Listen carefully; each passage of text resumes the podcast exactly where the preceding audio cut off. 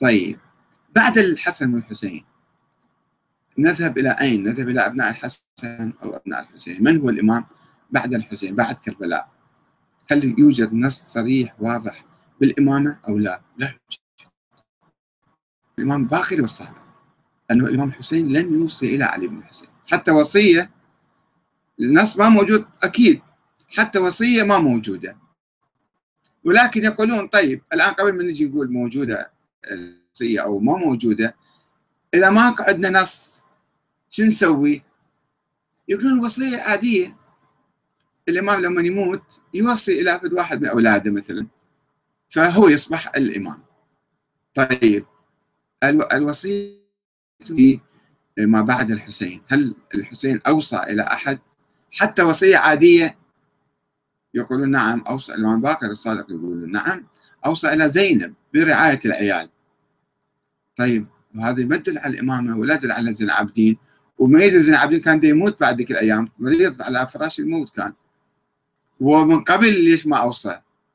يعني في تلك اللحظة منو راح يشوف منو راح يشهد منو راح يعني يعرف في عملية الوصية لازم تكون موثقة مو شكل افتراضية. باعتراف الإمام الباكر والصادق ما موجودة لزين العابدين. المهم القانون الإمام اللي عندنا نبحثه قانون النص وإذا ما موجود نص وصية. والآن نشوف الوصية كيف كانت.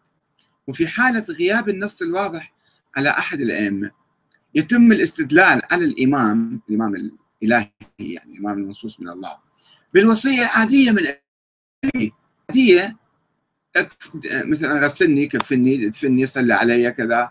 هاي الوصية العادية. أو مثلا الإرث أنت روح تصرف فيه كذا مثل وصية النبي للإمام علي. الإمام علي يسموه الوصي لأنه وصي النبي في إدارة يعني آه، شؤونه وأمواله بعد وفاته. ما وصى الوصية موجودة عند كتب الشيعة والسنة. الوصية بال مو بالخلافة الوصية بالإرث يعني تركه. وقصة مفصلة أنه النبي أول شيء طلب من العباس أن يكون وصية ومرتين ثلاثة قال للعباس وهو قريب يعني يتوفى. قال للعباس أنت عندك ديون كثيرة أنا فقير ما أقدر أتحمل مسؤولية يعني أن أكون وصيك. فالتفت للإمام علي. إذا هي مو وصية إلهية أو سياسية أو دينية أو كذا وصية شخصية عائلية.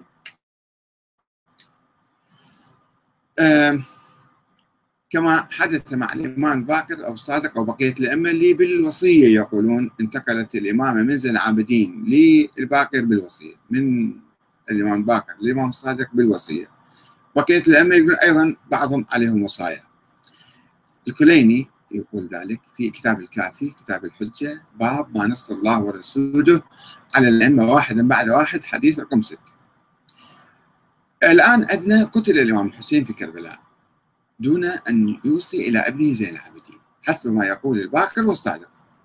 لأنه الإمام الباقر يقول لأنه كان مبطونا لا يرون إلا أنه لما به. يعني راح ينتهي يعني مبطون.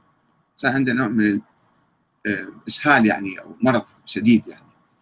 إن الحسين هاي نص الحديث مال إن الحسين أوصى إلى ابنته الكبرى فاطمة وسلمها كتابا ملفوفا ووصية ظاهرة. انه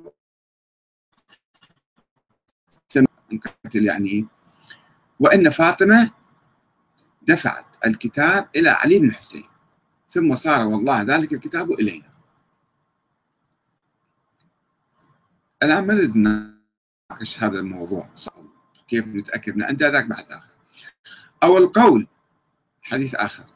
إن الحسين لما صار إلى العراق استودع أم سلمة زوجة النبي.